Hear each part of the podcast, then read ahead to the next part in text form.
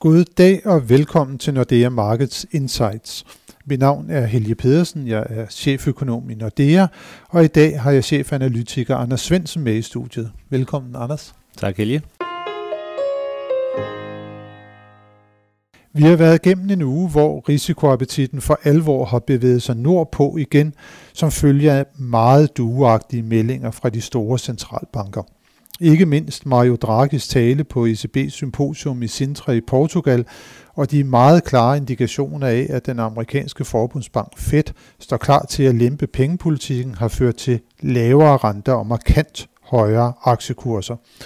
Men uh, Anders, du følger jo fedt tæt. Hvad var det egentlig, som uh, der blev signaleret her på mødet i tirsdags og onsdags? Jamen, de sagde uh, helt klart, at de uh, har droppet alt, hvad der hedder tålmodighed, uh, har droppet alle tanker om, at økonomien er uh, et godt sted, og nu er de i stedet klar til at sætte uh, renten ned, hvis det bliver nødvendigt. Og det er de, fordi de mener, at uh, usikkerhederne er taget til, uh, i særdeleshed omkring handelskrigen, uh, omkring uh, vækstudsigterne i det hele taget, og så uh, samtidig også, at inflationen bliver ved med at skuffe dem Ja, for nu siger du, at det er, at økonomien ikke er et stærkt sted. Altså, det er vel ikke sådan helt, at, sådan, at de siger, at nu er den amerikanske økonomi blevet svag, fordi arbejdsmarkedet er jo fortsat øh, stærkt, og væksten i hvert fald i, i første kvartal var jo også øh, pænt høj. Øh, så, men det er måske det er mere det der med usikkerheden. Ja, det, det er klart usikkerheden, og så, så tror jeg også, at, øh, at andet kvartal bliver jo noget svagere end, øh, end første kvartal var, og det, det kan de selvfølgelig også allerede se i, øh, i tallene. Men ja, øh, det er ikke nødvendigvis fordi, at øh, økonomien er svag. Øh, den er jo, vi har jo stadigvæk vækst over normalniveauet, hvis man kan sige det på den måde, og stadigvæk øh, en ledighed, der er tæt på det laveste i 50 år. Så, så selvfølgelig er økonomien stadigvæk stærk, men... Øh, men det er som om, at øh, de er blevet mere bekymrede for, at nogle af de her usikkerhedsmomenter, de, øh, de kommer til at tage økonomien øh, til noget lavere vækstniveau, og, og det vil de gerne øh, reagere lidt tidligt på. Og det vil de måske også, fordi renteniveauet er så lavt, så øh, hvis de kommer sådan for sent ind i den her kamp, jamen, så risikerer de måske at ramme nullet igen øh, på, på renterne og skal til at, at lave øh, alle mulige andre ting igen, hvor hvis de måske kan komme en lille smule tidligere i gang og få taget noget af den her afmatning lidt i, i opløbet, jamen så er deres eget håb, at de kan undgå en, en større nedtur og undgå, at renterne når øh, at komme så lavt igen. Så jeg tror, det er sådan en, en ændring også i deres måde at tænke på, at de måske vil være en lille smule hurtigere ud af, af startblokken. Hvis vi nu ser på FOMC-medlemmernes egne forventninger, så har vi jo det såkaldte dot-plot. Det ændrede sig også i forbindelse med, med mødet. Ja, der er øh, syv af de 17 øh, FOMC-medlemmer, som, øh, som nu tror, at, øh, at de vil stemme for to rentenedsættelser i år, øh, og en, der tror på en rentenedsættelse. Øh, så det er jo 8 i alt, men ud af 17, så er det lige præcis ikke et, øh, et flertal. Så, så medianen, kan man sige, var, øh, var stadigvæk på, på uændrede renter for i år. Men der sag, sagde Paul, at selv dem, der ikke har lagt lavere renter ind i deres dot, de hælder stadigvæk mod, at det nok bliver nødvendigt at, øh, at sætte renterne ned. Så markederne tog det som en helt klar indikation af, at, øh, at Fed er ved at gøre klar til, øh, til at gøre noget, øh, og, og tænker mere på, om det i virkeligheden øh, kan blive allerede i, i juli. Det er priset mere end, mere end 100% i, i markederne allerede. Øh, eller øh, det først bliver til september, og det afhænger nok lidt af øh, de tal, som vi får over den næste måned, øh, og selvfølgelig også, hvordan øh, G20-mødet øh, forløber. Ja, G20-mødet det finder jo sted her den 28. og 29. juni. Det er i Tokyo, og der er der jo visse forventninger til, at Trump og Xi Jinping, de, øh, ja, de skal i hvert fald mødes, det ved ja. vi, men at de så måske også kan række hånden ud til hinanden igen, og man kan få genoptaget øh, de afbrudte øh, handelsforhandlinger mellem de to lande. Ja, og det, det er klart, at det, det er selvfølgelig ikke, det er jo ikke høje forventninger og, og, og forestille sig, at de måske kan, kan give hinanden hånden. Men, øh, men det er vel også øh, så, så langt forventningerne de går. Det er klart, at overrasker de positivt der, jamen så, så bliver Fed måske en lille smule mindre bekymret igen. Øh, kommer de ikke øh, overens og forlader øh, øh, hinanden uden at, at give hånd og uden, øh, uden sådan at, at komme med tilkendegivelser om, at, øh, at der er en eller anden form for løsning forude, jamen så kan det være, at der kommer pres på øh, Fed allerede skal gøre noget i, i juli. Det kan øge altså, muligheden, risikoen, eller hvordan man ser på det, for at Fed reagerer allerede på møde i juli. Ja, for så vil de være mere bekymrede for, at det her det kommer til at gå ud over den amerikanske fremstillingssektor, gå ud over eksporten, gå ud over øh, økonomien. Men det er jo sådan lidt pudsigt, ikke? fordi Donald Trumps argument for, at man skal indføre tolvsatser øh, over for importen fra, fra, fra Kina, det er jo netop, at det skal give arbejdspladser i USA, at det skal fremme udviklingen i den amerikanske industri og skabe en masse industrijobs igen. Hvorfor så denne her bekymring fra festside? Hvem er det, der ser det her rigtigt? Er det Donald Trump, eller er det, øh, er det økonomerne, er det dem, der sidder og bestemmer pengepolitikken? Ja, det er et super godt spørgsmål, men, men hvis Trump har noget som helst øh, øh, hold i det, som han selv øh, håber på, at der kommer ud af det her, så er det jo på, på længere sigt, så er det jo ikke på den helt korte bane. Så hvis der er nogen, øh, noget produktion, der skal flyttes tilbage til USA, så vil det jo stadigvæk give nogle kortsigtede øh, Øh, negative effekter på, på væksten, at man, øh, at man får, får øh, kan man sige, nogle af de her supply chains øh, øh, afbrudt øh, rundt omkring i, i verden. Ikke? Så, så selv hvis han skulle have øh, en pointe i forhold til at få flyttet lidt arbejdspladser hjem, jamen, så vil det være på, på lidt længere sigt. Men altså stadigvæk alt, øh, hvad, hvad vi to har lært og, og læst gennem tiden, det, det siger jo, at, øh, at øh, frihandel det er det, der er bedst for, for begge parter. Så, Ja, så er der lige det der med frihandel, og hvordan at man fordeler øh, goderne. Det er jo måske et af de store politiske spørgsmål lige for tiden, men hvis vi lige vender tilbage til det pengepolitiske, så nævnte du også, at det er, at inflationen øh, den, har, den har skuffet lidt, og det er måske det, der er den reelle årsag til, at man vil lempe pengepolitikken yderligere. Det er at få mere gang i inflationen, fordi som vi også konstaterer, arbejdsmarkederne, de har det jo fortsat godt. Ja, men altså, og det, det tror jeg, du er helt ret i. Øh, tilbage i, i maj, 1. maj, da der var rentemøde sidst, der stod øh, Pauli og snakkede rigtig meget om de her midlertidige faktorer, som holdt inflationen tilbage, og inflationen skulle tilbage til, til, til 2%, lige så, eller kerneinflationen skulle tilbage til 2%, lige så snart de her midlertidige faktorer var væk. Øh, og det tror jeg egentlig stadigvæk, de tror på. Men det, der er sket i mellemtiden, det er jo så, at øh, inflationsforventningerne, især hvis man kigger på, på markederne, er gået helt i dørken. Og det er de sådan set både i Europa og, og i USA, hvor at, øh, at det virker som om markederne har, har opgivet lidt tro på, troen på, at centralbankerne de får, får den der inflation tilbage til, til målsætningen. Og det kommer selvfølgelig lidt i sammenhæng med, at markederne begynder at lægge større og større øh, vægt på den her bekymring for en afmatning eller en decideret recession i den, i den amerikanske økonomi. Mm. Inflationsforventningerne de bevæger sig nedad, og det er jo også noget af det, der bekymrer i, i Frankfurt, hvis vi vender blikket mod Europa og også ser på, hvad det var, Draghi han, han sagde på den her tale i centre, der virkelig fik renterne til at køre fuldstændig i bund. Altså vi så jo tyske 10-årige statsrenter, der kom ned omkring øh, minus 30 basispunkter. Helt, helt uhørt. Øh, Draghi, han var også duagtig, og markederne har i hvert fald tolket det som om, at øh, ECB står klar nu her til at lempe pengepolitikken. Hvor ligger, hvor ligger Draghis frygt øh, lige nu? Er det på inflationen? Er det sådan på de økonomiske udsigter? Eller er det samspillet mellem de økonomiske udsigter og inflationen, som, som for alvor bekymrer i, i Frankfurt? Ja, jeg tror i virkeligheden, det er det, er det hele. Øhm, men jeg synes også, for, for ECB kan man måske også godt sige, hvad er det så, der har ændret sig over, øh, over den sidste måned til halvanden, siden de, de mødtes sidst. Øh, og det er jo faktisk ikke engang så lang tid siden, det er jo kun to-tre uger siden, øh, de mødtes sidst. Det var den 6. Øhm, juni i ja, Vilnius. Ja, præcis. Så, øh, så hvad, har, hvad har ændret sig så meget siden, øh, siden det møde? Og, og, og der kan man sige, der er ikke meget, der har ændret sig. Øh, men selvfølgelig er noget af det, der har ændret sig, det er stadigvæk også inflationsforventningerne i, i Europa her, hvor, hvor vi også har, at, øh, at hvor markederne tror, at inflationen vil være øh, sådan i gennemsnit lidt længere derude er markant under, hvor ECB's målsætning er.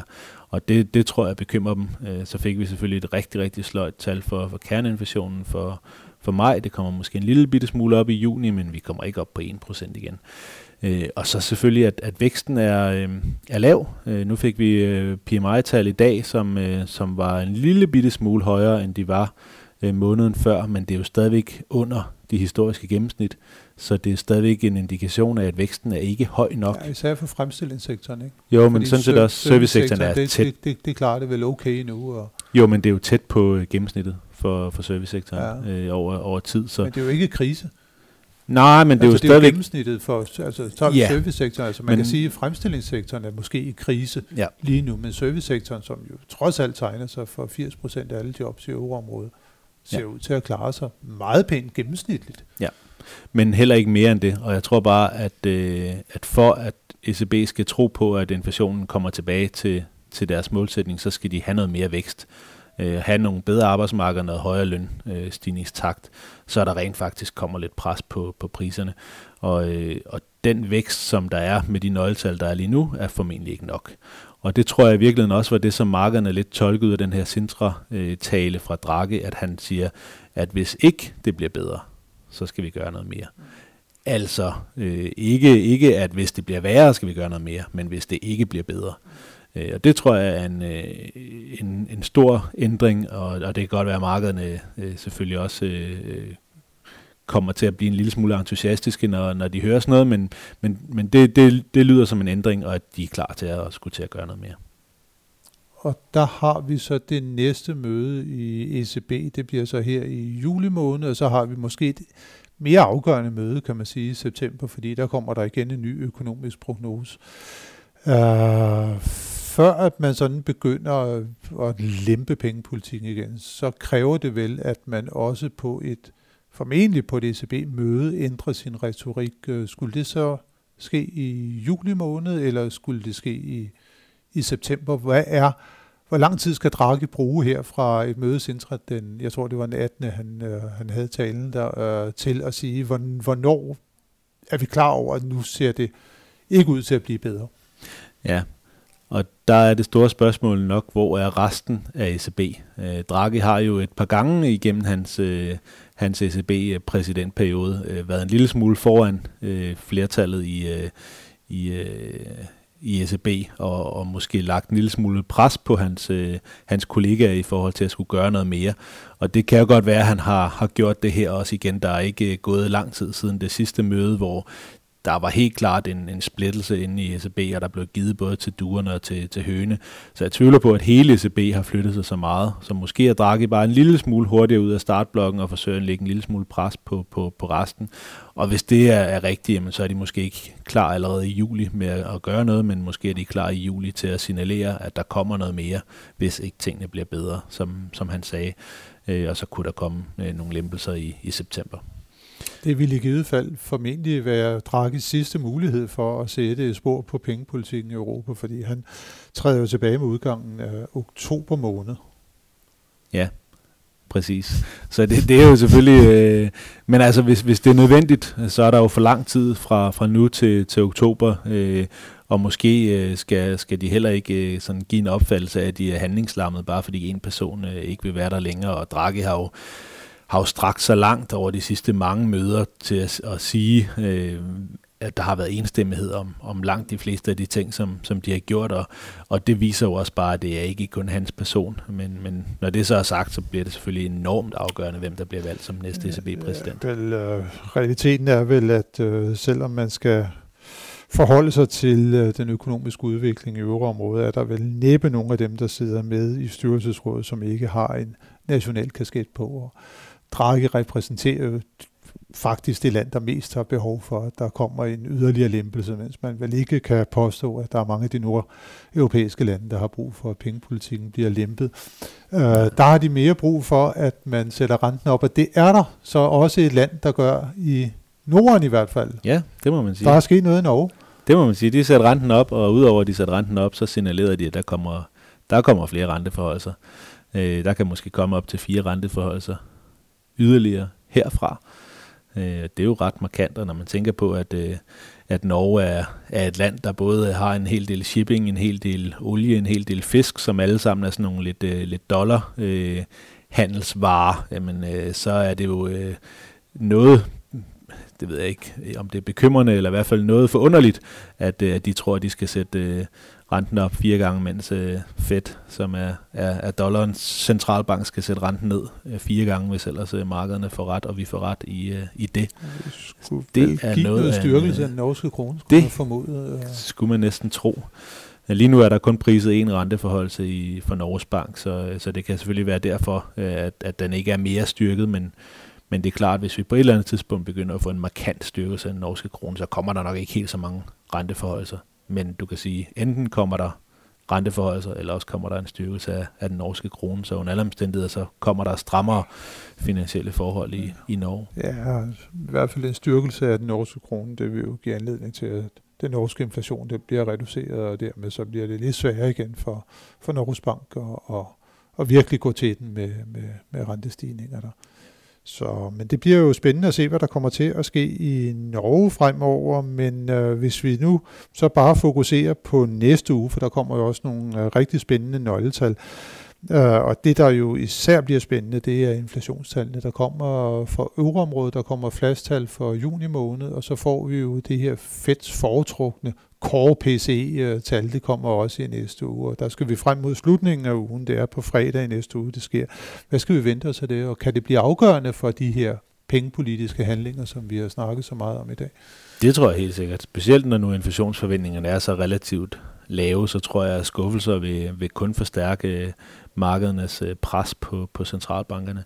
Øh, I, I Europa, der, vi tror, at kerneinflationen kommer en lille smule op. Altså de her 0,8 sidst var, var meget skuffende, og, og vi har et, et estimat, der ligger på, på 0,9, og måske endda også en lille smule over 0,9. Og, og noget af det, som, som trak øh, inflationen ned sidste gang, det er de her sædvanlige pakkerejser, øh, som jo øh, flyver op og ned med, med feriesæsonen, og de, de trak altså noget ned sidste gang, så en normalisering der vil være nok til at trække kerneinflationen en lille smule højere i juni, men jo altså stadigvæk markant lavere end, end det, der er ECB's målsætning.